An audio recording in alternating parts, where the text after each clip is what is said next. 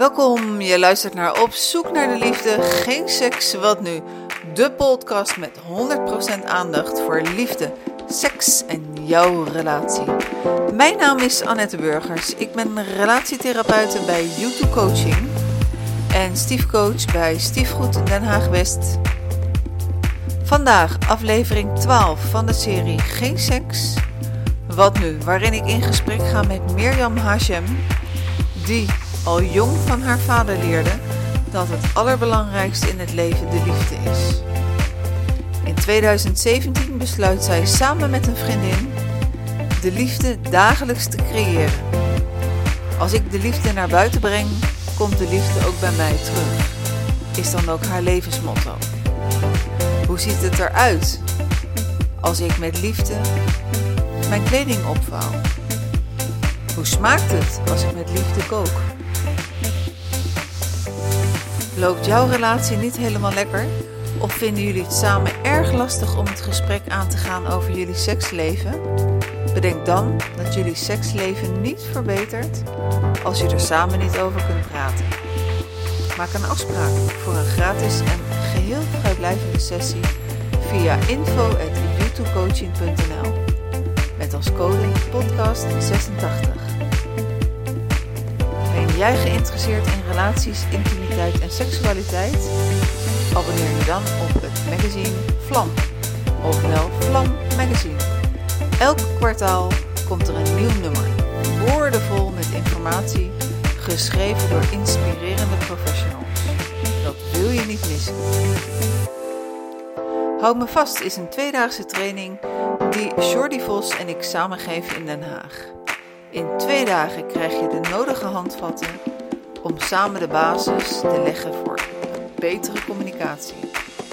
Gebaseerd op de EFT.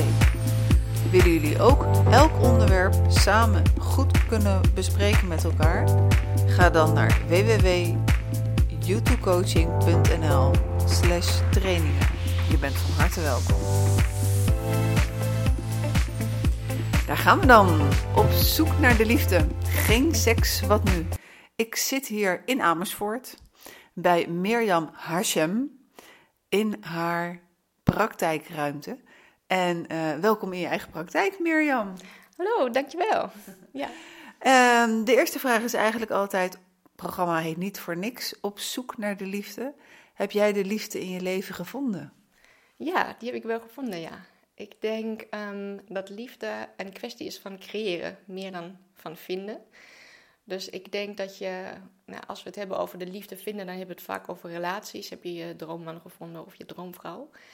Maar ik denk ook dat je liefde in jezelf kan creëren. Dat je ervoor kan kiezen om je leven met liefde te benaderen, om je omgeving met liefde te behandelen.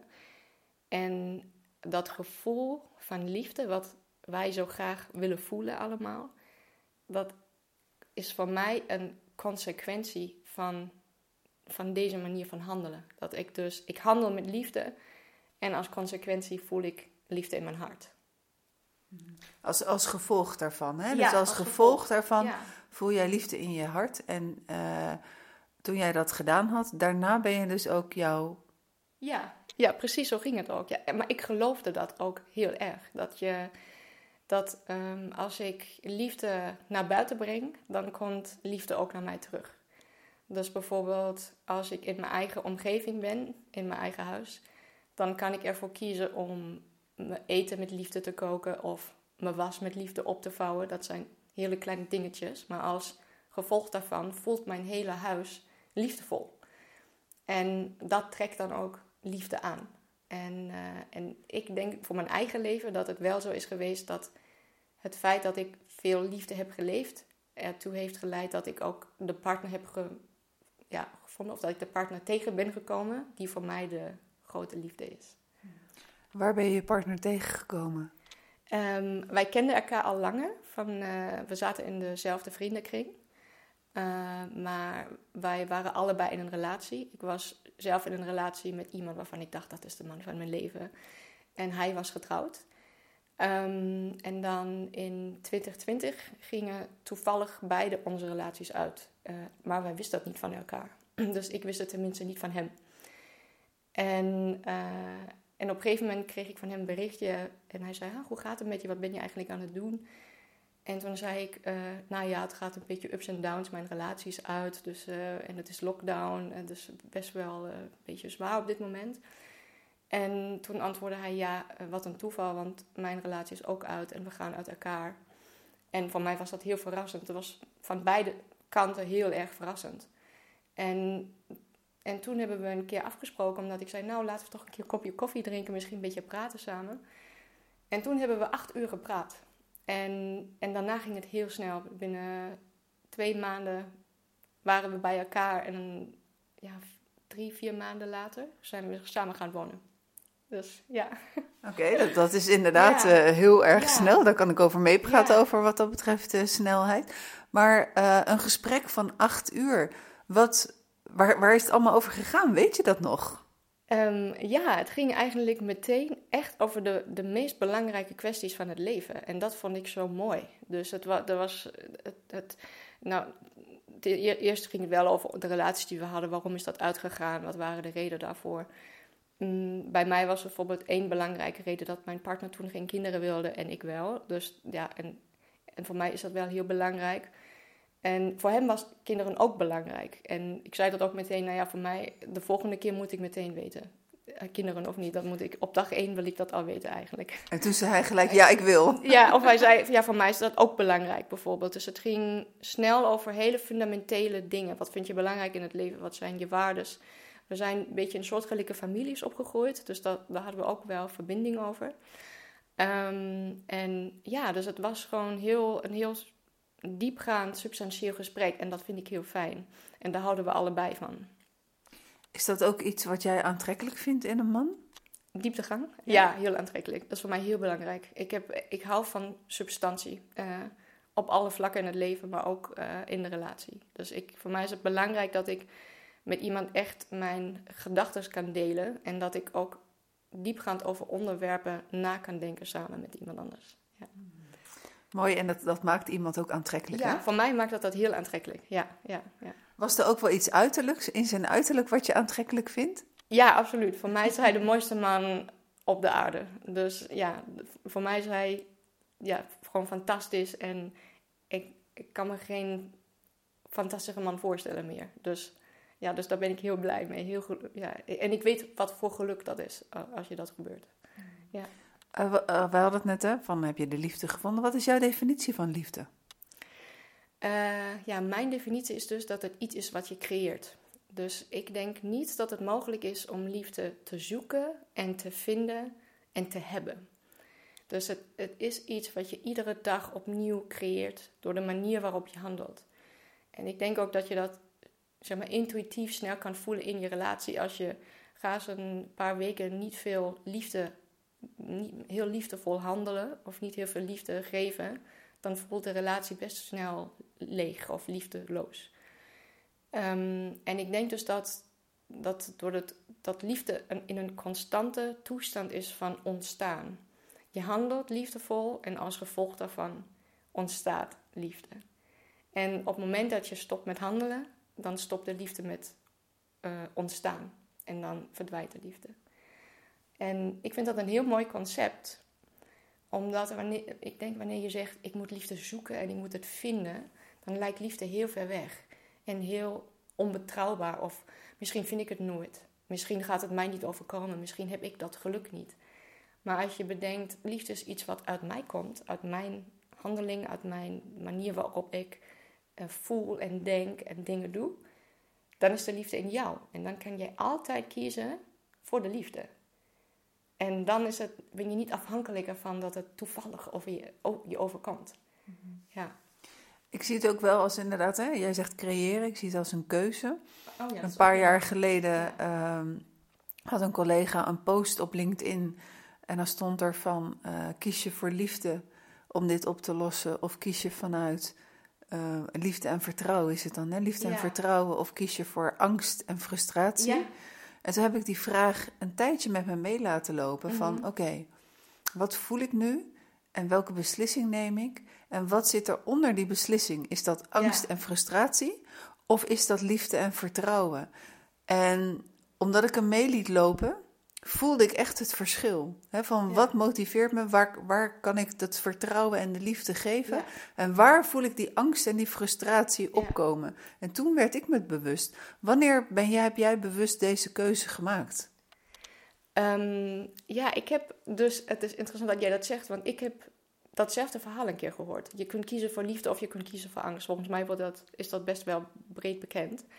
En ik had precies hetzelfde proces wat jij had. Dat ik op een gegeven moment dacht, kan ik, ik kan in ieder moment die keuze maken. En dat vond ik dan ook het leuke met die kleine momenten. Toen ik echt na ging denken over dat was opvouwen. Hoe, hoe zou ik mijn was met liefde opvouwen? Nou, dan ga je je kleren echt anders aanraken. Of hoe zou ik met liefde koken? Hoe zou ik met liefde lopen? Hoe zou ik met liefde sporten? En die keuze kan je overal maken. En dan, nou, met dat soort kleine dingen is het makkelijk. Maar dan in, in, in grotere situaties of uitdagende situaties, dan voor de liefde en voor vertrouwen te kiezen. Ja, dat is eigenlijk denk ik een skill waar je steeds beter in wordt. Of een spier die steeds groter wordt. Dus dat is echt iets wat je leert. En door herhaling word je er beter in. En ik denk dat het leven ons constant, of niet constant, steeds weer uitnodigt om voor liefde te kiezen. Of om terug te vinden naar de liefde. Dus we krijgen steeds weer situaties die ons uitdagen, die ons bang maken, eh, die ons onzeker maken. En dan naar jezelf terugkomen en zeggen: Oké, en nu kies ik voor de liefde. Ook al lijkt dat misschien het meest moeilijke. Want de angst is. Het is makkelijker om naar de angst te gaan dan naar de liefde. Ja, en eh, deed jij dit al eh, op het moment van het beëindigen van je vorige relatie? Ja, ja. Dus dat was een, ook een hele liefdevolle eh, Afscheid. afscheid. Ja. Dus, eh, eh, want ik had zeg maar dat idee dat je de liefde leeft, dat weet ik nog precies wanneer ik daarmee be- ben begonnen. Dat was in 2017. En toen was ik met mijn beste vriendin, vriendin één week lang in de, in de Duitse Alpen om te hiken. En wij hadden gezegd, we gaan één week lang in de natuur zijn en mediteren met z'n tweeën. En in die tijd hebben we heel veel gepraat ook over liefde en hoe kan je meer liefde naar de wereld brengen, hoe kunnen we meer met liefde leven. En toen hebben we aan elkaar beloofd eh, dat we voor ons levenspad willen dat we de liefde leven, dat we dat als fundamentele waarde in ons leven willen hebben en dat we elkaar willen ondersteunen om dat te doen. Dus bijvoorbeeld wanneer de een afkomt van dat pad, dat je de ander op kan bellen en zeggen: Ik kan de liefde even niet meer leven, help mij. en dat doen wij sindsdien. Dus dat doen wij nu vijf jaar samen in deze vriendschap. En toen, ik, toen dus mijn relatie aan het eind kwam, was dat, dat was een heel liefdevol moment. Dus ook vanuit hem, want we, we, we, we hielden van elkaar. En we wilden het beste voor elkaar. En we wilden dat iedereen zijn dromen waarmaakt en zijn leven leeft. Maar we kwamen gewoon erachter dat wij niet dezelfde levens wilden. En toen ehm, hebben we gezegd: Oké, eh, we gaan nu met liefde uit elkaar. Want ook is het vaak zo dat dat laatste moment wat je hebt, dat blijft in je herinnering.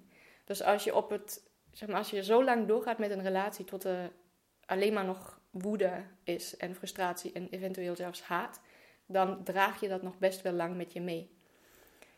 En toen hebben we gezegd: Oké, we gaan heel chic uit eten. dat hebben we dus gedaan. En toen hebben we eh, gewoon de hele avond over onze leuke, fijne herinneringen gepraat. En toen zijn we nog eh, één weekend gewoon samen bij elkaar geweest. En ehm, eh, ja. En, En lekker veel seks. Je hebt veel gesext, heel veel gezoend. ja. Ik durf het bijna niet te zeggen, maar zo was dat, ja. En toen hebben we afscheid genomen. En toen hebben we ook gezegd, we gaan elkaar nooit meer contacteren. Omdat we bang zijn dat we toch weer naar elkaar toe zouden trekken. En zo is dat ook geweest. We hebben nooit meer contact gehad. Maar echt super, eh, super dat je dit vertelt. En ik herken het. Met mijn vorige relatie eh, eigenlijk eenzelfde soort verhaal. Ehm, en eh, ook een, een laatste weekend met uiteten. En ehm, ik durf zelfs te beweren dat als mensen, er liepen natuurlijk mensen voorbij, maar als die ons gezien zouden hebben, dat ze gedacht hadden, nou die zijn vast net verliefd. Ja, precies zo was het bij ons ook. dat was ook een moment waar hij zei: Dit voelt bijna als onze eerste date. Omdat je ineens laat je elkaar vrij. En dan voel je eigenlijk dezelfde vrijheid die je had aan het begin van de relatie. En ehm, wat mij dat heel erg heeft geleerd, is dat het goed is om afscheid vroeger, net iets vroeger afscheid te nemen. Dus we voelen, ik denk dat we ons met relaties vaak verplicht voelen. Oh, dat we ons met relaties vaak verplicht voelen om tot het laatste moment door te gaan. Tot het echt helemaal niet meer gaat. Tot, tot, een, tot alles geëscaleerd is en er geen terugweg meer is. Tot je niks meer met elkaar kan vinden. Ja, dat je elkaar echt uit verbinding en verloren bent. Ja, precies. Omdat het idee is, als ik vroeger stop, krijg ik later spijt. Als ik, voel, als ik nog maar een druppel liefde voel voor de ander en we gaan uit elkaar, ga ik later, vijf jaar later, denken: oh nee, had ik dat, had ik dat maar niet gedaan, krijg ik dan spijt. En om geen spijt te krijgen, blijven we te lang eigenlijk bij elkaar, gaan we te lang escaleren. Ehm, maar het is ook moeilijk om het vroeger af te sluiten. Dus soms moet het ook escaleren om, om het te kunnen verbreken. Maar als het iets vroeger kan, soms, dan zou dat wel helpen. Ja, ja uiteindelijk, uh, ik noemde het van uh, we moeten uh, elkaar uit elkaars leven amputeren. Oh ja, ja dat is, dat is heftig, een, ja. een heel heftig woord. Ja. maar het, in feite is het hetzelfde als wat jij zegt, hè? geen contact meer hebben. Maar jullie zaten in dezelfde vriendenkring. Was dat dan niet lastig? Ehm, nee, mijn, mijn voormalige vriend niet. Oh, dus ja, precies. Dus mijn huidige vriend wel, maar mijn voormalige niet. Nee, Oh, nee. oké. Ehm, het, het stukje liefdevol leven, ken je dat ook vanuit je jeugd? Ja, ik ken het vanuit mijn ouders. Dus ehm, maar vooral mijn vader. Mijn vader die zei als kind altijd: het belangrijkste in het leven is de liefde. En ja, daarmee ben ik wel opgegroeid. Eh, En jouw vader is afkomstig uit? Libanon, ja. Dus ik ben half Libanees en half Duits. En je bent geboren in Duitsland? Ja, geboren en opgegroeid in Duitsland. Eh, we gaan eens in de zoveel tijd naar Libanon om onze familie daar te bezoeken.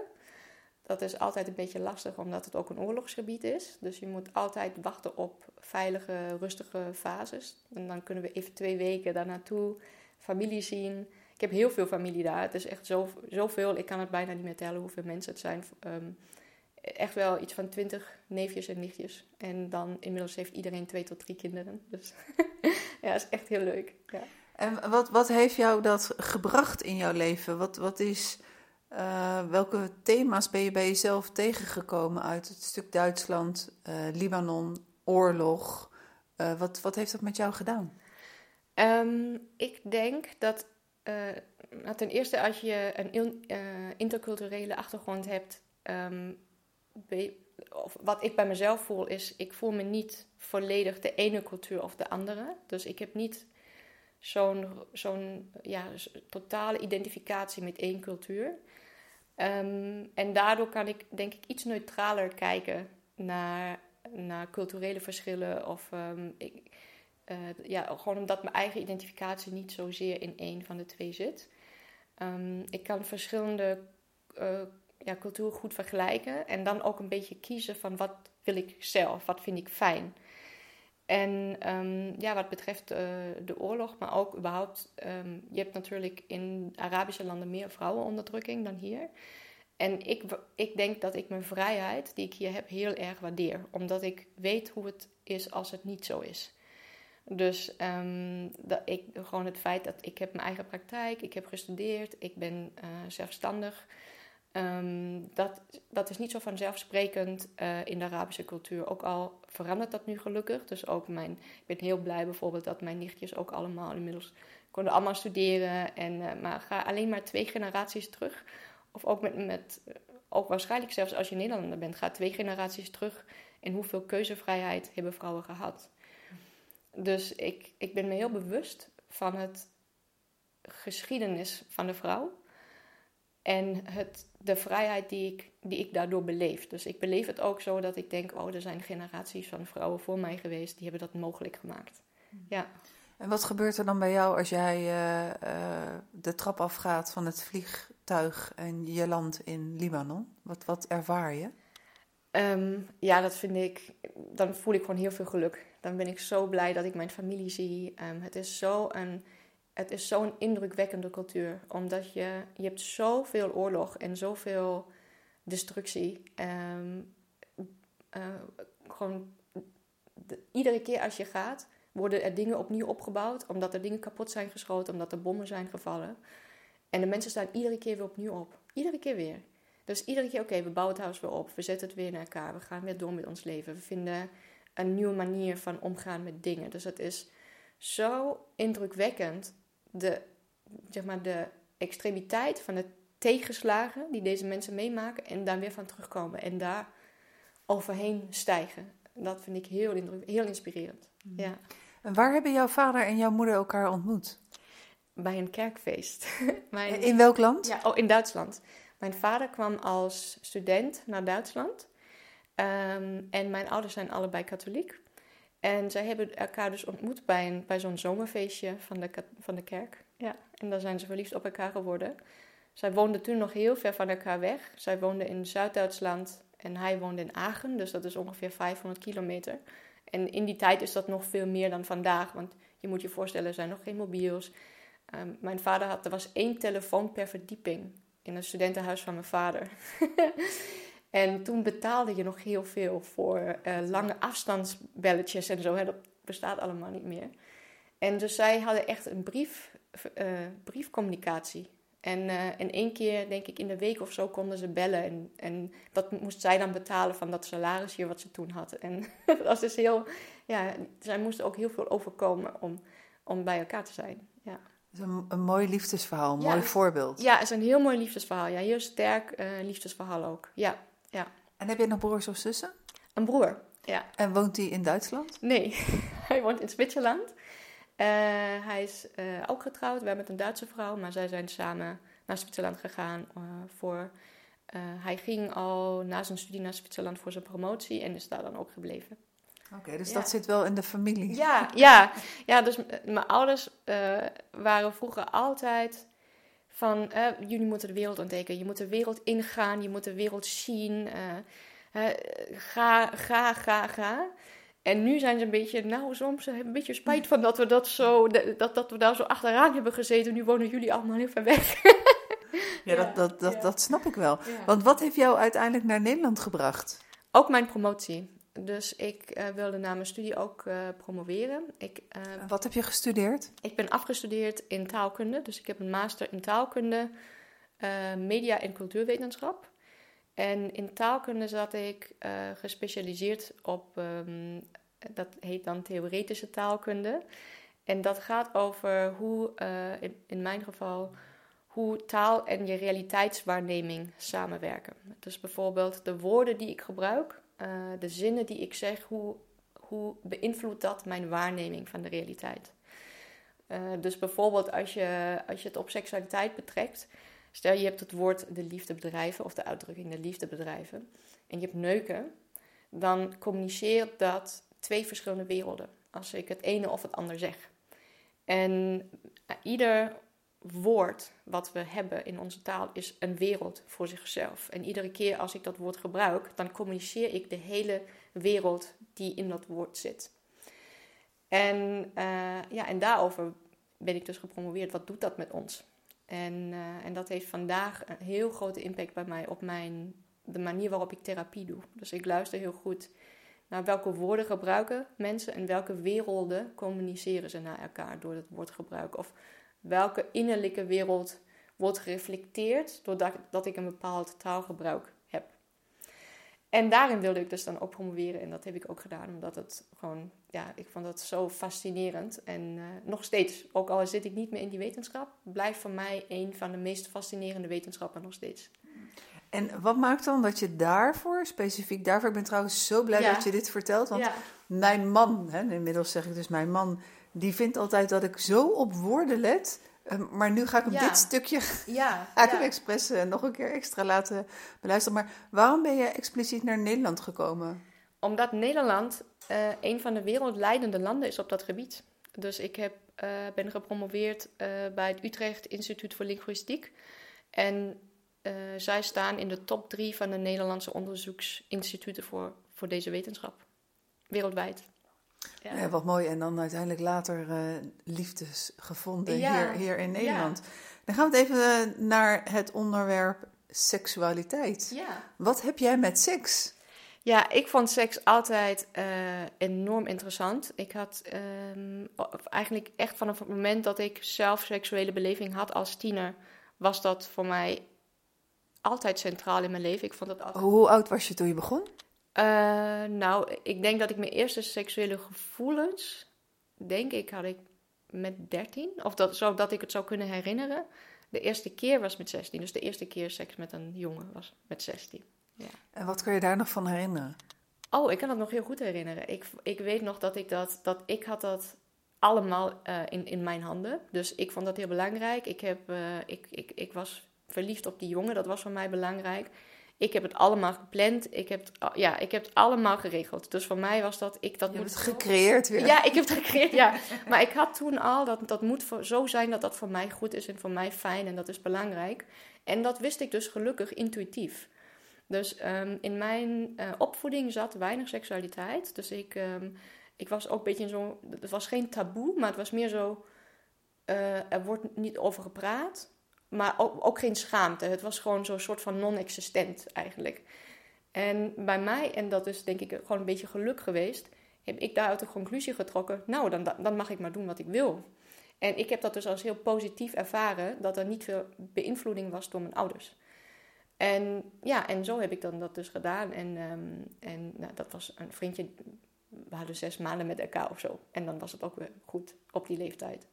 Maar ja, dat was wel, dat was voor mij was dat een hele fijne ervaring. Ja. En vanaf, wat maakte die ervaring uh, mooi, die eerste keer? Um, dat het allemaal fijn was voor mij. Dat ik het, uh, ja, dat het in mijn handen lag. Dat ik die agency had. Ik weet niet wat een goed Nederlands woord voor is. De regie? ja, de regie misschien. Maar ook dat het, het was mijn keuze. Ik wilde dat. Um, uh, ik heb dan gewacht tot mijn ouders op vakantie waren. En dan had ik het huis voor mezelf. En, uh, en, en, uh, en voor hem was het ook de eerste keer. Dus dat was heel spannend voor ons allebei. En, en, ja, en het was allemaal veilig. En ik had al de pil. En, um, dus dat was toen... Um, ja, het was allemaal goed, goed geregeld. Ja, ja. En, en, ik heb er, en het voelde goed. En ik heb ervan genoten. En het was een hele fijne ervaring, in, ook voor mijn lichaam. En dat is heel belangrijk. En hij deed dus ook eigenlijk precies uh, uh, uh, zoals jij het had gewild. Ja, ja, ja, precies zoals ik dat wilde. Ja. En ik weet vanuit mijn werk hoe weinig dat voorkomt bij meiden. Dat ze, dat ze de eerste ervaring, dat dat een fijne ervaring is. Of dat ze überhaupt regie hebben over de ervaring. Of dat ze überhaupt het gevoel hebben dat ze de regie kunnen hebben over de ervaring. Hmm. Ja. En ik, ik, ik Mirjam, ik, ik mis nog een stukje, een puzzelstukje van, ja. uh, van je studie naar het werk wat je nu doet. Ja, dus um, het puzzelstukje is dat dus um, seks was voor mij heel belangrijk in mijn privéleven. En ik heb me daar op privévlak gewoon heel veel mee bezig gehouden. Dus ik heb een soort van het seksologie-studium aan mijn eigen lichaam gedaan. Dus ik heb, uh, ik vond het op een moment dat ik uh, nou, van uh, alleen woonde, dus ik had op mijn 22e mijn eerste eigen appartement.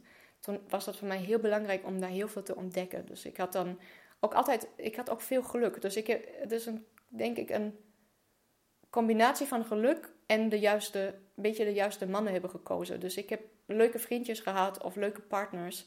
Uh, ik heb veel verschillende partners gehad, dat vond ik heel belangrijk. Um, en ik heb me op een gegeven moment ook bezig gehouden met, uh, met tantra, maar dan niet het westerse tantra, dus dat wil ik direct, uh, niet dat. Maar echt de hele klassieke Indiase, de oude literatuur, de oude schriften. Tantra betekent van oorsprong methode. Het, heeft, zeg maar, het woord tantra zelf heeft niks te maken met seks. En het gaat erom hoe je iets benadert. En wat mooi is in de traditionele opvatting van tantra, is eigenlijk wat het zegt, ik benader seks op een manier die voor mij fijn is. Dat is eigenlijk wat Tantra zegt. Hoe kan ik me het fijnst voelen in mijn lichaam? En dat gaat dan over alles. Hoe kan ik kleren, welke kleren zijn fijn voor mij? Waar voel ik me fijn in? Welk beddengoed is fijn voor mij? Welke aanraking is fijn voor mij? Dus je, je bent constant op zoek naar wat voelt goed, wat is fijn. En daarmee heb ik me heel lang bezig gehouden. En ik ben toen het werk van, gevolgd van Margot Anand. En zij is een hele grote tantra-lerares. Dus zij geeft al 50 jaar tantra les, heeft meerdere tantra-instituten opgezet in de wereld. En dat liep dus soort van parallel aan mijn, uh, aan mijn opleiding. En in mijn studie had ik gender studies. Dus daar ben ik uh, naast taalkunde ben ik gespecialiseerd in gender. En dat was toen een kleine wetenschap, dat interesseerde niemand. Vandaag wordt het heel belangrijk, nu we meer acceptatie krijgen voor non-binaire genders en um, uh, transgender personen. Maar toen vond dat nog niemand echt belangrijk. En ik vond het fantastisch om me bezig te houden met de vraag van seksuele identiteit. Ehm, eh, hoe ervaar ik seksualiteit? Wat vind ik seksueel? Wanneer voel ik me aantrekkelijk, wanneer niet? Dus op het moment dat ik was. Dus ik ben. Mijn praktijk is gestart in 2019.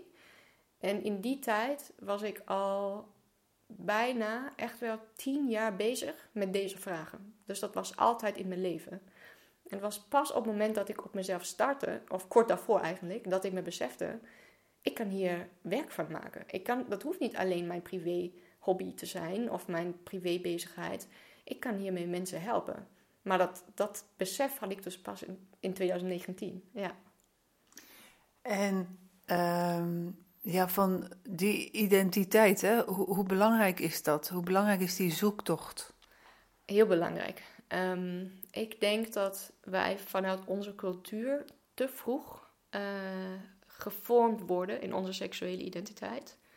En dat het goed is om daar een beetje resistent tegen te zijn en dan later zelf op zoek te gaan wat je fijn vindt. Dus als je kijkt naar bijvoorbeeld heteroseksuele, een beetje klassieke heteroseksuele relatieproblemen, komen vaak voort uit de man heeft aangeleerd dat dit mannelijk is en dit is mannelijke seksualiteit. En als man moet je zo en zo gedragen en die, die dingen zeggen en dit vinden en dit moet je leuk vinden. En vrouwen hebben ook iets geleerd wat vrouwelijk is, wat vrouwelijke aantrekkelijkheid is, wat vrouwelijk gedrag is. En dan proberen ze hun best om binnen deze kaders hun seksualiteit te leven. En dat gaat vaak mis. Ehm, en dan is het best wel een proces om een beetje deze identiteiten, uh, ja, een beetje ruimte eigenlijk jezelf te geven om te zeggen: oké, ik kan meer zijn dan dit, dan wat ik heb aangeleerd. En misschien ook dingen loslaten waar je erachter komt, dit ben ik helemaal niet. Ik heb het geleerd dat ik zo moet zijn, maar eigenlijk ben ik dat niet. Maar nu heb ik toch al twintig jaar van mijn leven geïnvesteerd om mezelf in dat kadertje te persen. En nu moet ik daaruit. Dus, en dat is vaak moeilijk. Van, maar nu heb ik zoveel werk gedaan om zo te zijn. En nu moet ik nu moet ik mezelf. Weer aan de bak. Ja, en nu moet ik, ja, en nu moet ik dat loslaten. Het voelt een beetje als echt een, een, een soort van verloren investment. Dus dat, is het, uh, dat kan een heel heftig gevoel van verlies uh, opleveren. Of als, een, als verloren jaren kan het ook voelen. En, uh, en soms is het dan om dat verlies niet aan te moeten gaan van die, eer, van die eerdere, zeg maar, misschien artificiële identiteit, is het soms makkelijker om erin te blijven dan en het leed door, door te gaan met het leed wat je al beleeft, dan eruit te stappen en het verlies te accepteren, maar dan wel eigenlijk jezelf te worden. Mhm. Ja. ja, want dat eerste stukje is bekend. Ja. En het tweede stukje, daar weet je niks van. Dus dat is angstig voor veel mensen. Verandering brengt angst met zich mee. Om dat pad te bewandelen. Is dit iets wat je vaak tegenkomt in je praktijk? Ja, zeker. Ja. Um, ik denk, uh, het is vooral um, als je um, als je, je hebt een heteroseksueel stijl, dus bij heteroseksuelen is het meer, omdat uh, uh, er, is, er zijn niet zo vaste culturele voorstellingen van wat het is om homoseksueel te zijn of lesbisch te zijn, dan wat het is om heteroseksueel te zijn. Dus um, aan de ene kant, dus er is vaak het idee, oh heteroseksualiteit, dat is, het, dat is de norm, dus dat betekent er is meer vrijheid, er is meer macht ten opzichte van andere uh, seksuele oriëntaties of andere genders. Maar het is niet zo noodzakelijk zo. Je hebt aan beide kanten heb je een vorm van onderdrukking. Dus heteroseksuelen zitten in een, in een heel klein, beperkend kader waarin ze mogen gedragen. En als ze dat niet doen, dan is er iets mis met je. En, uh, en de minderheden, uh, of andere seksuele oriëntaties, voelen veel onderdrukking vanuit de norm maar zijn binnen hun eigen kring vrijer dan heteroseksuelen. Om te gedragen hoe ze willen. Omdat het niet hun seksualiteit in twijfel trekt. Maar stel je bent een heteroseksuele man, dan wordt je mannelijkheid, je hoeft maar een heel klein beetje emotioneel te zijn of in aanhalingstekens zwak of uh, geraakt door iets. En dan, en dan kan je heel snel uh, horen van, nou, uh, wat ben je mietje? Of nou, ben je echt niet mannelijk genoeg? Of nou, dan ben je wel niet sterk genoeg. Dat, dus je kan je, als heteroseksuele man, kan je je mannelijkheid heel snel kwijtraken. Of heel snel dat, het niet, dat, dat je niet meer erkend wordt als man. Dat kan heel snel gebeuren. Dus je moet heel veel doen om dat constant vol te houden. En bij vrouwen is dat ook zo. Bij vrouwen zit het meer op de, helaas, um, de fysieke kant. Dus bij vrouwen is het, hè, je, je lichaam moet zo en zo en zo zijn. Je moet, uh, dit moet je gewicht zijn en je borsten moeten zo groot zijn en je moet geen rimpels hebben. En dan ben je een sexy, aantrekkelijke vrouw. En met ieder jaar dat je ouder wordt, raak je een beetje van je vrouwelijkheid kwijt. En, en dat is heel, dat zijn hele erge verhalen. Dat is waar eigenlijk heteroseksuelen in zitten. En daarom is ook voor vrouwen is de grootste of diepste punt van schaamte zit meestal ergens rondom het lichaamsbeeld. Hoe zie ik eruit? Wat is mijn gewicht? Hoe oud ben ik? Ehm, ben ik wel sexy genoeg? Ben ik wel mooi genoeg? Ehm, eh, kan, kan, ik me gewoon zo naakt aan mijn partner presenteren? Of moet ik me niet nog eerst in lingerie verpakken om mezelf acceptabeler te maken? Dus dat, dat is bij vrouwen veel. En dat is een heteroseksueel verhaal wat onderdrukkend is. En waar het goed is om eruit te stappen. En dat uitstappen, dat, dat, dat voelt voor mij nu eventjes als resetten. Dat het best inderdaad hè, ingewikkeld is. Uh, jij hebt op Instagram, heb jij uh, tot de kerst, heb je elke keer uh, tips hè? Ja, kan je daar iets over vertellen? Ja, ik wilde dus, ik had gewoon, ik hou van kerst. Ik hou van alles wat te maken heeft met kerst. En ik wilde iets leuks doen met kerst op mijn Instagram. En ik, op, gewoon, ik gebruik mijn Instagram voor, vooral voor het delen van informatie. Um, goede, mijn doel is om goede, substantiële informatie over seks en seksualiteit uh, beschikbaar te maken. Uh, dat doe ik ook met mijn blog op mijn website. En, maar het komt dan wel op neer dat mijn posts vaak best wel serieus zijn. En ik, had, ik dacht, ik wil een keer iets wat gewoon een beetje plezier is, gewoon een beetje leuk, een beetje lichter. En toen dacht ik, ik ga een uh, kerstkalender maken waar iedere dag krijg je een leuke sekstip voor je leven. En ja, en dat kan je nu iedere dag, uh, ergens wanneer het donker wordt, maak ik een nieuwe post. Ja. En nou, deze podcast heeft natuurlijk ook geen seks wat nu. Heb je eigenlijk zelf wel eens in een periode in je leven geen seks gehad? Um, ja, maar dan meer omdat er toevallig niemand was. Dus niet omdat ik niet, geen zin had. Ja, dus, um, maar ik ben, ik ben heel lang uh, single geweest. Uh, in totaal, of nou ja, een beetje acht jaar. Maar het is een soort van, dan had, je, had ik een vriendje van vier maanden, had ik weer een vriendje van een half jaar. En dan had ik weer een schaal. En dan weer wat one-night stands en dan weer dit. Maar vaak lagen er wel uh, drie, vier maanden tussen waar ik gewoon met niemand was. Ja, en dan heb je een tijdje geen seks. Ja. En hoe was dat? Kan je dat nog herinneren? Ja, dat was een mix van. Uh, vaak vond ik het frustrerend. Dus, um, uh, maar het is ook echt een kans om dan de seksualiteit met jezelf weer te ontdekken. En dat is iets wat ik iedereen heel graag mee wil geven. De seksualiteit die je hebt met een ander is gebaseerd op de seksualiteit die je hebt met jezelf. Het is net zoals met het creëren van de liefde. Als je je eigen lichaam fijne aanraking geeft, fijne seksuele aanraking geeft dan kan je ook bepalen wat fijn is met een ander. Als je je seksualiteit alleen ervaart in interactie met een ander, is het moeilijk om te bepalen wat je fijn vindt. Dus je kan gewoon met je eigen handen, kan je jezelf het beste ontdekken. En dus heb je een tijdje geen seks, dan doe dat. Dat is fantastisch voor je. Dus dat heeft jou uh, die maanden in ieder geval uh, er doorheen uh, ja, geholpen? Ja, ja, zeker, zeker. En ook trouwens op de achtergrond van tantra. Tantra begint ook bij jezelf. Voordat je überhaupt... daar wordt dus soms wordt ook gezegd, wat goed dat je single bent, dat is veel handiger. Dan, dan is er geen partner die je tussenkomt. Dus dan heb je echt de tijd om helemaal in verbinding te komen met je eigen seksualiteit, met die eigen seksuele energie, ook met, ja, met je eigen voorkeuren. En met je eigen gevoelsleven natuurlijk ja, ook. Hè? Ja, en met je eigen gevoelsleven, ja. En het is ook, ik denk, ik, ik wil het sowieso ook, ja, iedereen ook meegeven en ook wensen. Behandel jezelf als je graag wilt behandeld worden door je partner.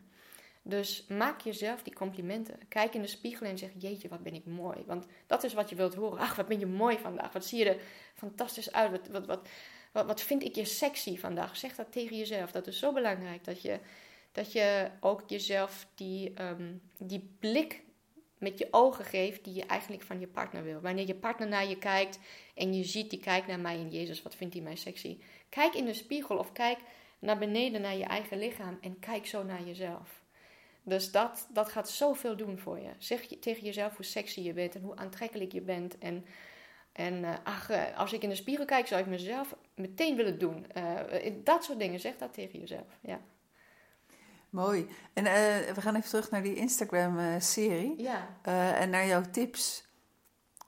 Welke drie tips vind jij, nou die zou echt iedereen moeten uitvoeren of iedereen moeten proberen vanuit die serie? Nou, mijn zover favoriete tip, die heb ik gisteren gepost. Die, die is van mij de meest belangrijke tot nu toe. Um, dat is dat je, uh, er, is, er bestaat geen seks zonder gevoelens. Dus we hebben vaak het idee, ja, je hebt seks met gevoelens of seks zonder gevoelens. En dan heb je, oh ja, dit betekende helemaal niks, het was maar seks of zo. En dat dat niet bestaat. Dus eh, stel je hebt seks uh, met iemand waar je gewoon niks om geeft. Of uh, je vindt het gewoon niet belangrijk. Voor de lust hebben we dan. Ja, of voor de lust. Ja, of misschien heb je nog niet eens lust. Dat kan ook. Misschien ben je gewoon verveeld. Heb je seks voor de verveling. Dat kan ook. Je kan nog seks hebben zonder enkele lust of liefde. Of maar dan wat te voelen. Um, maar dat betekent niet dat je geen gevoelens hebt. Want gewoonlijk als we zeggen seks met gevoelens, bedoelen we seks met liefde, seks met um, aandacht, seks met verbinding. Maar de afwezigheid daarvan betekent niet dat je geen gevoelens hebt. Je kan ook seks hebben met onverschilligheid. Of met frustratie, met jaloezie, met woede. Um, uh, met uh, angst. Uh, ik, ik heb seks met mijn partner omdat ik angst ben dat ik hem kwijtraak. Ik heb seks met mijn partner omdat ik jaloers ben omdat, die met, omdat ik hem ergens heb zien flirten. Um, ik heb seks omdat ik me verveeld voel. Ik weet beter even niet wat we moeten doen vandaag. Dat kan ook voorkomen. En mijn tip is om hoge, hoge emotionele standaards te zetten voor je seksleven. En te kijken vanuit welke emotie heb ik nu seks. Um, uh, en dan ook weer een keuze te maken. Ik wil seks hebben vanuit emoties die fijn zijn voor mij. Wil ik seks uit woede? Wil ik seks uit frustratie? Wil ik seks met irritatie? Wil ik seks met respectloosheid? Wil ik dat? Dat is, vind ik, een hele belangrijke. Ja, ik moet uh, denken aan uh, afgelopen weekend hebben mijn collega en ik een training gegeven, Houd me vast. Mm -hmm. uh, dat gaat altijd over verbinding. En een van de praatsessies die ze met elkaar moesten aangaan, ging ook over hun seksuele mm. relatie. En toen gaf ook iemand mee terug van, ja, eigenlijk doen we maar gewoon. Zijn we ons niet ja. zo bewust ja. van, wat doen we, wat zijn onze wensen, mm. wat zijn onze behoeften. Ja. En hebben we die eigenlijk tot nu toe helemaal nog nooit besproken. Wat fijn dit, want het zet ons wel in de modus om het te gaan bespreken met elkaar. Ja, ja. Um, wat is nu de vraag? Nee, dat was niet. Was, oh, okay, ja. nee, eventjes om, te, om een reactie. Maar hoe is het voor jouw partner uh, op dit vlak? Uh, nu zal die inmiddels aan jou gewend zijn. Maar ja. hoe was dat in het begin van iemand die zo nadenkt over, ja. over dit soort dingen? Ja, even wennen in het begin. Ja, ja. Dus, maar ik denk dat is, dat is uh, denk ik voor iedereen. Want gewoonlijk heb je seks en je hebt seks. Uh, maar dan heb je seks met iemand die een hele boekenkast vol heeft met seksboeken. En, uh, en die, die, die zich bewust is van alles wat je doet, van iedere aanraking, van ieder gevoel. En, en dat ook terugspiegelt. Dus even, even wennen. Ja. Even wennen. En inmiddels is die gewend. Ja, ja, ja. ja. en toen straks schoot mij uh, nog een vraag te binnen toen je het had over gender. Um, als jullie een babytje krijgen, wat ga jij dan anders doen op dit gebied dan jouw ouders met jou gedaan hebben? Um, ik denk dat ik tegen mijn uh, kind zou zeggen: uh, kijk maar wat je voelt of zo. Wanneer, dus ik zou niet Bijvoorbeeld, ehm, stel je hebt twee je hebt kindertjes en die. eh, soms heb je bij, bij hele kleine kindertjes al zie je. Wat er- volwassenen hebben soms het gevoel dat kleine kindertjes al verliefd zijn op elkaar. Dus je hebt een meisje van vier en een jongetje van vier. En die vinden het heerlijk om elkaar te zien en met elkaar te spelen. En dan zeg je als volwassene vaak: Nou, zijn jullie verliefd op elkaar? Gaan jullie later trouwen? En dan met dat soort grapjes zet je het al neer bij het kind. Van, oh, nou, ik moet later dus trouwen met een man. Ehm, en ik zou meer vragen van, wat, wat voel je dan als je, als je samen bent? Waarom vind je dat zo leuk? Om, eh, waarom, wat, eh, wa- waarom word je zo, eh, zo vrolijk van die jongen of zo? Ik denk dat ik meer dat soort vragen zou stellen. En ik zou ook ehm, op het moment dat de, de, de kinderen dan zeg maar richting de, de puberteit gaan, maar ook ja, vroeger, ik zou niet zo, ja, zo, zo geslachtsoriënteerde ehm, advies geven. Of eh, als meisje moet je dit doen. Hè. Je moet vooral, als meisje is vooral belangrijk dat je, dat je niet met de verkeerde naar bed gaat. Het is vooral belangrijk dat je niet zwanger wordt. Het is vooral belangrijk dat je geen zorg krijgt. Het is vooral, vooral belangrijk dat je het allemaal van je afhoudt. Ja, dat zou, zou ik nooit. Ik zou zeggen: oké, het is vooral belangrijk dat het voor jou fijn voelt. Dat jij de regie hebt, dat je agency hebt. Dat je, dat je een goed gevoel hebt bij die jongen. Dus ik zou proberen om, ja, om op positieve gevoelens en gewoon menselijke gevoelens op te voeden. In plaats van eh, gender eh, of ehm, als man moet je. Je moet, als man moet je de eerste stap maken. En nadat je de eerste stap hebt gemaakt, moet je echt wel nog dan even drie dagen wachten, zodat het niet te opdringerig is. En dan, dus ik zou niet deze heftige kaders meegeven. Ook, ik moet ook zeggen, ik heb die zelf niet meegekregen. Dus ik denk ook dat dat soms ook zo is dat ik, ik heb niet veel last gehad van de heteroseksuele kaders. Omdat ik dat niet zo, ja, ik heb dat niet zo, zo strikt ervaren, ja. En ehm, zou je dan eh, wel een roze truitje kopen of een blauw truitje? Nee, dat zou ik ook overlaten aan het kind. Ik hou heel veel van roze, zoals je je ziet in deze omgeving. en eh, ik denk dat ik, ik moet mezelf, ik ga mezelf inhouden om een, als ik een dochter heb, om die helemaal in roze eh, te, te kleden. En, ehm, eh, maar dat- ja, ze kunnen het zelf kiezen. Dus ik denk, ja, je kan er gewoon alle, doe maar alle kleuren. Geef, de kind, geef het kindje maar alle opties. Ja, er zijn zoveel mooie kleuren, meer dan roze en blauw. Ja. En eh, wat ik toen straks ook nog zat te denken, van stel, ehm, je bent straks, eh, word je gevraagd voor het ministerie van de Liefde. Mhm. met betrekking tot voorlichting, onderwijs, gender. Wat zou jij in je eerste honderd dagen doen? Ehm, nou, in het onderwijs, ik zou eh, ja, naar genot gaan. Dus ehm, ik ben toevallig lid van de Stichting Seksueel Welzijn Nederland. En eh, de grootste message die wij eigenlijk hebben is: ga van de rampenbestrijding naar genot. Dus niet, het gaat niet meer om je moet niet zwanger worden, je moet geen SOA krijgen, maar het moet lekker zijn. Het moet goed voor jou voelen. En dat, dat zou het eerste zijn wat ik zou doen. Ik zou jongeren een echt volledig idee meegeven van hun anatomie. Dus we hebben eh, zowel vrouwelijke en mannelijke seksuele anatomie wordt niet goed onderwezen in het seksueel onderwijs. Nou, bij, bij de vrouw, dat is een beetje bekend, de clitoris wordt eigenlijk niet meegenomen, of überhaupt vrouwelijk genot wordt niet meegenomen. Je hebt nog steeds het verhaal, ja, de penis gaat in de vagina, dan komt sperma uit, dan komt een kind. En, ehm, en, en voor de man is het dan leuk, want die komt klaar en dan eh, gaat hij ejaculeren. En voor de vrouw is het maar zo'n beetje passief eh, erbij zijn en hopen dat het een beetje redelijk gaat. En dat is een heel treurig verhaal. En ehm, ja, meiden, ik zou ook bij mijn eigen kinderen zo snel mogelijk een, gewoon, een, gewoon anatomische kennis meegeven. Bij een meid, hoe, wat, hoe ziet je vulva eruit? Dit zijn je, uh, je grote vulva-lippen, je kleine vulva-lippen, dit is je vagina, dit is je clitoris. Er zitten allemaal zenuwuiteinden. Het is allemaal weefsel wat opzwelt. Het is heel belangrijk dat er veel bloed is in je onderlijf als je seksueel plezier wilt. Hoe komt bloed naar je onderlijf? Nou, doordat je je veilig voelt en fijn. Op het moment dat we gestrest zijn, dat we angst zijn, dan trekt het zenuwstelsel in, in ons lijf, in, uh, rondom de organen, trekt samen en, en trekt het bloed letterlijk uit je onderlijf. Dus dan voel je bijna niks meer. Dat is een van de redenen waarom je zo weinig seksuele gevoelens hebt na een stressvolle dag, omdat er geen bloed is in je onderlijf. Dus hoe, hoe zorg je ervoor dat je een goede, fijne bloedstroom hebt naar je onderlijf? Ook hoe zijn uh, aanraking en seksuele gevoelens verbonden. Dus je hebt aanraking van je hele lichaam nodig. Er is een verbinding tussen je tong, tussen je tepels en tussen je clitoris bijvoorbeeld. Dus als je maar één minuut zoent en dan direct voor het seks gaat, dan is dat niet fijn als meid. En bij mannen is het zo dat ehm, ja, mannen worden ook niet geïnformeerd over hun anatomie. Dus, uh, uh, en het wordt te makkelijk gemaakt. Nou ja, wat is er nou veel te weten bij een man? Je raakt die penis een beetje aan en dan wordt die hard en dan wordt er gesext en dan komt die klaar. En dat is ook een heel treurig verhaal.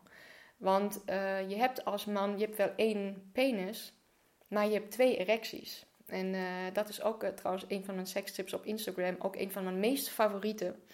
Is dat je, je hebt, je kan als man, stel je penis is met rust dan kan die stijf worden omdat iemand jou aanraakt of jou pijpt of likt aan je penis of wat dan ook fijn is. En als consequentie daarvan wordt die hard. Dan heb je een erectie gehad als consequentie, als een reactie op aanraking. Maar je hebt ook erecties die komen als reactie van gevoel, van uh, reactie op een gevoel of op je gedachten. Dus stel je hebt een seksfantasie en zonder dat je jezelf aanraakt, wordt je hard. Nou, dan, dan heb je zogenaamde een, een emotionele erectie. En deze erecties zijn harder, stabieler en fijner dan de erecties die puur komen vanuit aanraking. De orgasmes die daaruit voortkomen zijn intenser en vervullender.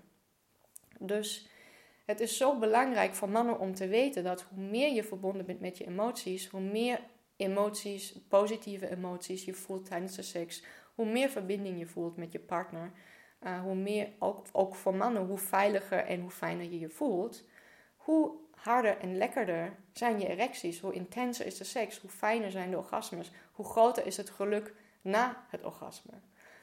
Dat, leert, dat wordt nergens, zit dat in het onderwijs. En dus als ik de, de, de, de minister was van liefde of van liefde en seks, ik zou zeggen, uh, seksueel geluk willen we onderwijzen, willen we leren aan mensen. Hoe kan je gelukkig zijn in bed en niet alleen hoe kan je kinderen maken of kinderen voorkomen.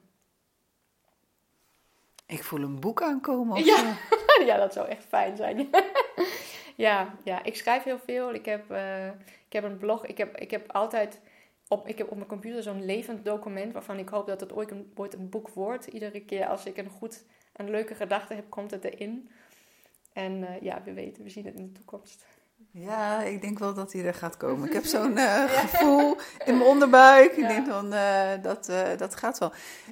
Um, op het moment dat wij dit gesprek hebben, heb jij wel al een TED-talk opname gehad. Ja. Hij is alleen nog niet gepubliceerd. Waar gaat het over?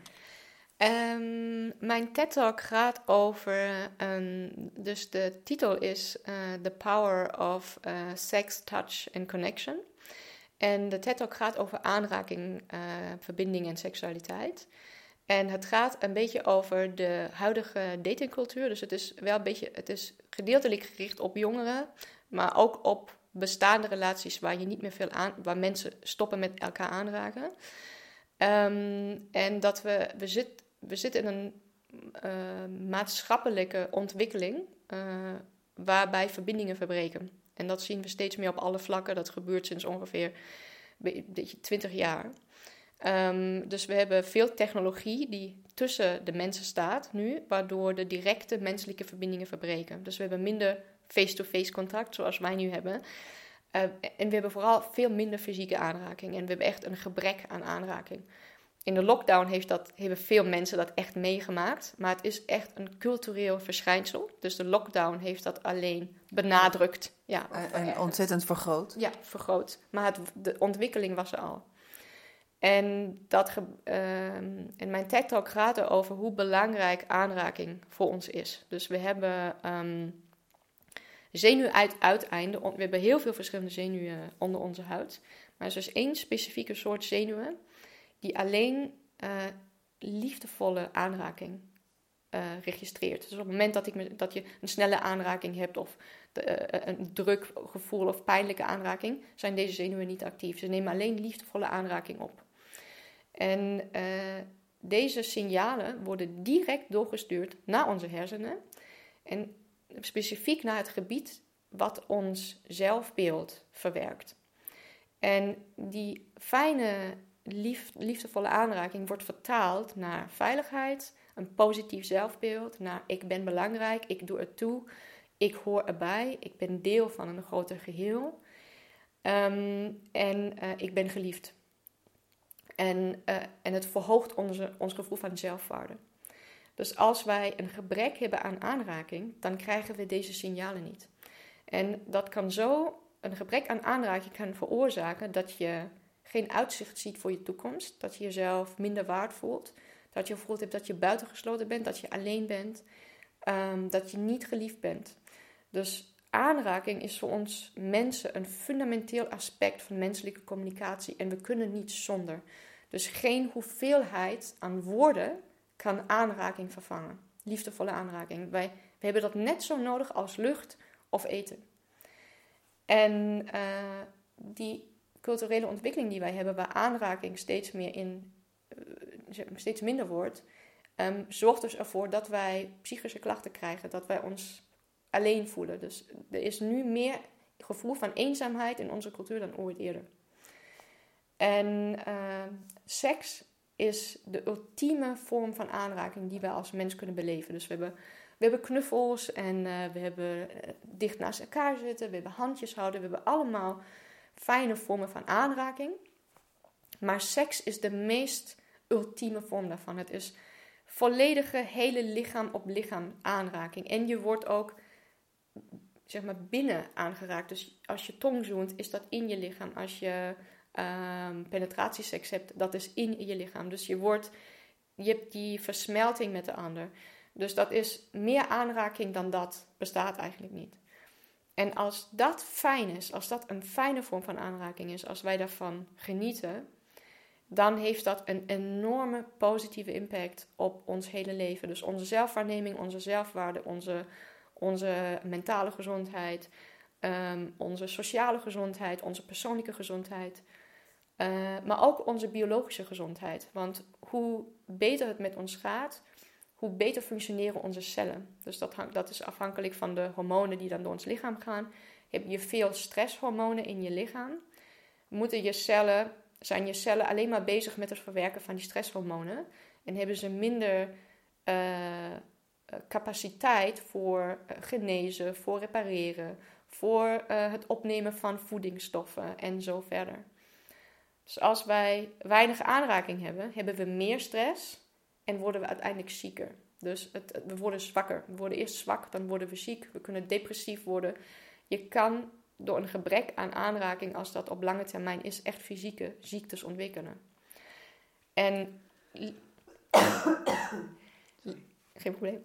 Uh, liefdevolle, uh, ja, of uh, fijne seks, intense seks, uh, alles wat jij lekker vindt. Uh, maakt niet uit. Ik zeg vaak liefdevol, maar dat hoeft niet te be bedoelen dat het soort van heel saai is of zo. Maar uh, als liefdevol voor jou betekent uh, dat, je, dat je je kleedt in lak en leer, nou dan is dat jouw liefdevolle seks. Maar gewoon die seks die voor jou lekker is, die voor jou goed is. en dat en op dezelfde manier dat een gebrek aan aanraking schadelijk voor ons is, is dus een veel aanraking, fijne aanraking, goed voor ons. Mhm. En daar ging mijn TED-talk dus over. En, ja, en, sorry, en over hoe je dan in iedere seksuele interactie, hoe je met deze instelling naar iedere seksuele interactie gaat. Dus dat je dat ook brengt naar je one-night stands, naar je scharrels, uh, naar de, de persoon waarmee je net aan het daten bent, maar ook naar je lange relatie of naar je huwelijk. Dus dat je met deze instelling, met wetend wat je voor elkaar kunt doen als je lekkere seks hebt, ga daarmee, breng dat mee naar bed. Dat is een hele mooie boodschap. Ja. zeker uh, als antwoord op de vraag: geen seks, wat nu? Uh, wat, me, wat ik me zat af te vragen is, ook naar aanleiding van het eerdere stukje van als je geen partner hebt, uh, ontdek jezelf. Ja. Werkt het als we onszelf gaan aaien? Ja, dat is ook zo een belangrijke skill. Raak jezelf aan. Geef jezelf echt, geef jezelf een knuffel. Zo op die manier. Raak jezelf aan bijvoorbeeld um, voor het slapen gaan. Als je alleen in bed ligt, begin, je kan bijvoorbeeld beginnen bij je enkels zo. Ga je benen omhoog. Ga over je buik heen, over je borsten heen, over je armen heen. Als je een man bent, geen borsten. Ehm, ga over, overal, ga, ga jezelf overal aanraken. Ook bijvoorbeeld als je doucht. De meeste mensen douchen zo. zo. Jouw gezicht erbij. Ja, ja, ik moet zo snel mogelijk douchen. Ik moet zo gewoon heel snel. Maar ga eens dat douchen lekker in je handen laten schuimen. En, en ga dat heel langzaam en lekker over je hele lichaam uh, verspreiden. En dan ga je jezelf ook heel fijn aanraken. En kies je beddengoed fijn. Ja, kie, uh, goed. Dus kies beddengoed wat echt goed voelt op je huid. Dat gaat heel veel verschil maken. Want je ligt er acht uur per nacht lig je in je beddengoed. Dus als je, als je een bepaalde stof hebt die je aanraakt. Je denkt, ach, iedere keer als ik dat aanraak, dan denk ik, ah, halleluja, dat voelt zo fijn. Koop dat. Doe, doe dat in je bed. Ook, kijk ook, zit, vind ik mijn kleren wel fijn. Uh, dus dat zijn allemaal dingen. En ja, maar jezelf aanraken, dat is ook juist als je dan seks hebt met jezelf. Um, dus ik vind dat altijd een veel beter woord dan masturberen. Ik vind masturberen een vreselijk woord. Je hebt dus seks met jezelf. De seks met jezelf is even belangrijk en waardevol als de seks met een ander. Um, ja, raak jezelf dan ook overal aan. Ga niet alleen uh, uh, naar je penis toe en aftrekken of naar je clitoris toe en um, um, hoe noem je het dan eigenlijk? Ja, jezelf. Vingeren? Ja, vingeren. Oh ja, sorry ja. En, en direct vingeren, maar raak je hele lichaam aan. Alles. Geef jezelf die, die volledige aanraking. Dat is heel fijn. Mm En als we het hebben over seks met onszelf uh, in een partnerrelatie, hoe kijk je daar naar? Um, gewoon wat nodig is. Dus um, als je dat, uh, ik denk dat het ook in een partnerrelatie belangrijk is. Um, en dan is vooral als je verschillen hebt in verlangen, dan is dat heel waardevol. Dus dan kan je gewoon zeggen: Oh ja, we hebben verschillen in verlangen in de tijden waar de ene minder verlangt. Nou, dan ga ik weer terug naar de seks met mezelf. Het is ook goed als, stel, de, ene partner is een paar dagen weg. Dat is ook een super goede kans om weer de seksualiteit met jezelf te ontdekken. Um, het is, uh, ja, als je natuurlijk vaak seks hebt, dan is het een beetje logisch dat dan seks met jezelf minder wordt. Maar het is toch wel goed om daar regelmatig ook weer naar terug te komen. Dus om dat niet helemaal op te geven. Ik denk sowieso hè, dat uh, uh, praten over seksualiteit, daar zit een taboe op. maar praten met je partner over seksualiteit met jezelf in de relatie, dat het nog ingewikkelder is. Of is dat een generatieding van mij? Nee, ik geloof wel dat dat voor veel mensen ingewikkeld is, omdat het. Um, en die ingewikkeldheid komt vanuit onzekerheid. Dus er is vaak het idee: uh, seks is van geven en nemen, wat ik ook heel problematisch vind. En ik geef mijn partner plezier en dan krijg ik van mijn partner plezier. Dus ik geef plezier aan mijn partner en mijn partner geeft plezier aan mij. En dan ontstaat een soort van seksuele afhankelijkheid. Dus ik heb mijn partner nodig voor seksueel plezier. Um, nou, stel nou, ik zou, seks, ik zou zo fijne seks met mezelf hebben dat ik dat niet eens meer noodzakelijk vind. Dan verdwijnt die afhankelijkheid en dan ontstaat heel veel onzekerheid. Nou, als mijn partner mij niet nodig heeft voor seks, wat ben ik dan nog? Dan, dan kan hij zomaar weglopen.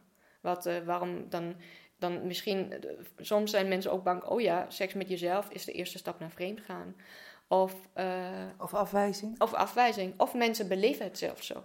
Dus er zijn, dat, dat, dat verhalen hoor je ook soms. Van, van ja, dat, dat zou ik nooit kunnen vertellen aan mijn partner. Hij of zij zou zo jaloers worden. Of zou dat, zo een, zou dat echt wel als bijna vreemd gaan waarnemen. Hoe kan je met, zonder mij?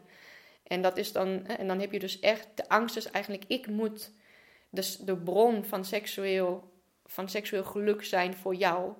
En als ik dat niet ben, dan, zie ik me, dan ben ik geschaad in mijn partnerpositie. Dus dat is eigenlijk de angst die daaronder ligt. Um, en dan komt ook nog erbij, heb je ooit geleerd dat het schaamtevol is of slecht of niet goed om dat te doen? Nou ja, dan komt dat nog bovenop. Dus er zijn er sowieso heel veel negativiteit en schaamte rondom seks met jezelf. Misschien ook de reden waarom masturberen zo'n lelijk woord is. Daarom moeten we het ook niet meer gebruiken. ik, ik, ik, vind ook als je tegen iemand zegt. Uh, en uh, hoeveel masturbeert u per week? Ja, daar, daar, daar haal je alle schaamte die ooit is aangeleerd naar boven met zo'n vraag. Maar als je tegen iemand zegt: hoe is de, de seksuele verbinding met jezelf? Dat is een helemaal andere wereld. Hè? En dan hebben we ook weer die woordkeuze. Ja, we gaan hem even reframen hier gelijk. Ja, ja precies. Ja. En dus, dus als je zegt de seksuele verbinding met mezelf is de basis van een seksuele verbinding met een ander, dan heb je een helemaal andere wereld. En dan kan je als partner zeggen: Oh, als dat zo is, nou, dan vind ik het belangrijk dat iedereen ook een seksuele verbinding met zichzelf heeft. Want dat kan je meebrengen. Alles wat je beleeft met jezelf, de seksueel plezier of seksueel genot, kan je meebrengen naar je partner. En dan heb, dan heb je zo, dan ben je eigenlijk al, op het moment dat je met, met je partner bent, ben je al vol. En dan vanuit die overvloed geef je dan, of deel je eigenlijk met elkaar. Want het wordt dan niet meer geven en nemen, het wordt meer uh, delen en ontvangen eigenlijk. En, uh, en dan ontstaat eigenlijk een fijner seksleven. Maar het is dus ook juist, ik vind het ook heel belangrijk om dat ook samen te delen. Dus dat je ook, um, zeg maar, de seks, dat, dat bijvoorbeeld, je, je doet het samen met je partner. Dus uh, bijvoorbeeld, um, je, als vrouw, je partner houdt je vast terwijl jij jezelf vingert. Dus dat vind ik een hele belangrijke. En ook andersom. Dus je, uh, je partner heeft seks met zichzelf en jij bent erbij en je geniet er samen van. En, um, en dat, dat brengt zoveel naar het seksleven. Dat is zo verrijkend. Dat kan ik voor iedereen alleen maar uh, aanraden. Ook omdat je het, het is mooi om te genieten van het genot van de ander. Om gewoon om erbij te mogen zijn bij, bij zo'n persoonlijk moment. Dat is heel, heel, ja, dat is gewoon mooi. Ja, prachtig is dat. Ja. ja. Ja, dus uh, wat ik ook zie is dat, uh, ik weet niet of jij dat ook zo ervaart, maar dat er heel veel koppels vanuit de eerste uh, ongelofelijke chemie van de verliefdheid, mm. nou ja, alle hoeken van het huis mm. afseksen met z'n mm. tweeën, bij wijze van spreken. Maar er komt een moment dat die chemie en die verstandsverbijstering van de -hmm. verliefdheid wegtrekt. -hmm. en dat dat een moment is waarbij ik me verwonder in feite dat er zoveel jonge mensen zijn uh, die dan uiteindelijk terechtkomen in uit verbinding gaan met elkaar, elkaar -hmm. kwijtraken. Dus dan is het inderdaad geen seks met, met zichzelf mm -hmm. die bespreekbaar is. Want verder uh, weet ik niet eens of, of ze dat dan doen, ja of nee. Um, maar dat het zoveel moeite kost om weer die verbinding te krijgen met elkaar. Als ze er iets van moeite voor moeten doen. Want die verliefdheid, die nam ze mee op die, op die flow. En daarna komt het moment, oké, okay, maar nu is die chemie er niet meer. Herken je dat? Ja, ik denk het, het interessante aan dat verhaal is dat je kijkt... Dus als je kijkt naar die verliefde fase... Want het is zo, leuk dat je moeite doen uh, dat uh, gebruikt. Want hoeveel moeite doe je in die fase? alle moeite. Je laat alles, uh, gewoon alles komt op tweede plaats. Je, je, bent, je communiceert superveel. Je denkt de hele tijd aan elkaar. Je brengt cadeautjes voor elkaar. Je gaat veel daten. Je gaat naar buiten. Je gaat heel veel leuke dingen doen. Dus je doet heel veel moeite en je stopt er heel veel tijd in. En um, aan de ene kant kan je zeggen: het is de verliefdheid die dat doet. Maar het is ook voor een heel groot deel de onzekerheid. Want je hebt die partner nog niet voor jezelf. Dus die kan nog weggaan. Die kan nog steeds beslissen: Nou ja, ik heb nu twee maanden gehad, ik doe maar wat anders. Dus heel veel van die moeite komt vanuit onzekerheid. En op het moment dat mensen ja zeggen tegen elkaar, nou dan verdwijnt die onzekerheid. En dan, en dan is ineens dit: Oh ja, dan hoef ik niks meer te doen. Ik heb het, ik heb het geregeld, die partner is van mij. De veiligheid is bereikt. Nou ja, en nu, uh, en nu, en nu uh, hou ik, stop ik daarmee. Dus je ziet dat na die verliefdheidsfase, het het, dus ik, die zou veel langer duren als mensen niet die veiligheid zouden bereiken. Dus de vraag is eigenlijk, hoe kan je op het moment dat je veiligheid bereikt, een beetje doorgaan eigenlijk met dat verliefde gedrag? En ook daar zou ik weer zeggen dat, uh, is het de verliefdheid die het gedrag brengt, of is het het gedrag wat de verliefdheid brengt? Ik denk dat dat beide kanten op gaat. En uh, je kan, dus verliefdheid hoeft niet noodzakelijk zo te verdwijnen als we dat altijd zien. Het is belangrijk dat je de dingen blijft doen die je doet wanneer je verliefd bent. Wat we net hadden gezegd met, de, met die afscheidsetentjes, wat we allebei hebben beleefd, dat je denkt, oh, het voelt weer als een eerste date. Ja, omdat je ineens zit je weer bij een eerste date. Dus ga daten. Ga nooit stoppen met daten. Dat is een van, uh, van de, ja, de grootste dingen die ik zou zeggen. Ga nooit stoppen met die moeite maken die je hebt gemaakt in het begin. En beleef het niet als moeite. Dat is het nog. Dus in het begin is het, oh, ik ben zo verliefd. Ik zou alles doen, alles. Ik zou om de hele wereld reizen voor deze persoon. Niks is te veel voor mij. Ik heb voor alles energie. En dan een half jaar later is het, jeetje, ik moet echt zoveel moeite doen om mijn relatie in leven te houden. Dus het, het, het zou geen, geen moeite moeten zijn. Beleef het niet als moeite. Beleef het dus als, als liefde of als verliefd handelen. Als ik verliefd was, wat zou ik doen? Ga ik, uh, dus ik ga daten, ik ga misschien kleine, wat jouw uiting is, uh, lettertjes schrijven of een kaartje of een cadeautje of bloemen of um, wat. Alles om te veroveren nog. Ja, blijf veroveren. Uh, dat is denk ik heel belangrijk. Je partner is nooit van jou. Nooit. Ook al ben je 20 jaar of 40 jaar met elkaar. Een mens blijft, zich, blijft zijn eigen, blijft zichzelf. Het is, uh, op, denk nooit over je partner als bezit. Je hebt hem of je hebt haar en nu is die van mij. Nu kan die niet meer weg. En nu hebben we al zoveel afhankelijkheden gecreëerd. Hè. Nu wonen we wel in hetzelfde huis en we hebben een hypotheek samen. En we zijn getrouwd. En we, zijn, uh, we hebben al die economische verbindingen en de sociale verbindingen die het natuurlijk moeilijk maken om eruit te stappen. Maar het is nooit dat het nooit kan. Dus ja, dat, ja, neem je partner nooit voor lief. En dan stopt ook de verliefdheid niet. Nou, dat is een hele mooie om zo'n beetje mee te eindigen. We gaan naar de afronding toe. Ik zie dat we al uh, ruim een uur aan het praten zijn. De tijd vliegt. Ja. Uh, is er nog een vraag die ik je niet gesteld heb op iets wat je toch nog graag even kwijt wil? Ik heb er trouwens toch nog één en dan oh, gaan we daarna naar die andere toe. Waar sta jij over vijf jaar hier in Amersfoort met, uh, met je praktijk? Ja, um, ik uh, ben dus recentelijk in Amersfoort de praktijk geopend. Dus dat ik heb hem recentelijk geopend. Dat was op 29 september. En dat heb ik samen gedaan met uh, Judith van Duivenbodem Krijnen. Zij is van Fabriek 69.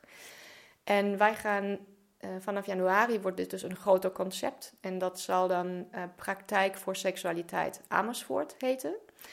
En wij willen het grootste aanlooppunt worden voor seksuele problemen in de regio Amersfoort. En ehm, wij hebben een samen hele brede expertise. Um, dus ik uh, doe veel van de klassieke um, uh, seksuele problemen, verschillende verlangen, relatieproblemen, erectieproblemen of bij vrouwen dan lubricatieproblemen, noem je dat ook. Dus als je moeite hebt om nat te worden. Al deze problemen. En ik ga vanaf volgend jaar begin ik de opleiding tot traumaseksoloog. Dus we willen absoluut ik wil echt traumatherapie integreren bij ons in de praktijk. Dat is voor mij heel belangrijk. Dat is voor mij ook het onderwerp waar ik zelf de grootste passie op heb. En, um, en Judith werkt, is gespecialiseerd in seksverslaving. Zij is ook gespecialiseerd op het werken met mensen met lichte verstandelijke beperking. En samen willen we dus zoveel mogelijk uh, van het spectrum afdekken en, en kunnen helpen. Ja. Nou, dat is wel een, een hele mooie ambitie. hè? Dus uh, over vijf jaar dan staat dat. En ja, dan uh, geven jullie trainingen, geven jullie misschien opleidingen. Heb jij je boek geschreven hierover en, uh, en, en, alles. En heb je tegen die tijd misschien, als het zo mag zijn, ook al een kindje? Ja, dat hoop ik van wel, ja. ja, ja. Dat zou echt heel leuk zijn. Ja, hopelijk over vijf jaar hopelijk al twee, ja. Al twee, hoppa, tempo. Ja. Uh, heb je inmiddels na kunnen denken over uh, de vraag die ik nog niet gesteld heb, maar waar je wel het antwoord op zou willen geven? Um, nou, dat is een hele, hele moeilijke, daar moet ik echt even over nadenken. Ik heb eigenlijk het gevoel dat we alles ja, heel goed hebben besproken. Ja, ja. Ja. Nou, dan gaan we hem afronden. Ja. Mirjam, super bedankt voor je ontvangst en voor je heldere en heel mooie, uitgebreide, met heel veel aspecten erin, voor je verhaal. Hoe, Dankjewel. Hoe heb je het uh, ervaren? Ja, heel fijn. Ik vond het een heel leuk gesprek. Ik ben ook heel blij dat ik bij jouw podcast ben, want ik heb hem al met heel veel interesse en plezier geluisterd. En ja, ik vind het echt fantastisch. Ja. Nou, dankjewel. En voor de luisteraar en voor de kijker, dankjewel. En over twee weken is er weer een nieuwe Op zoek naar de liefde. Geen seks, wat nu met een andere gast. Ik hoop dat je dan ook weer wilt luisteren. Tot dan.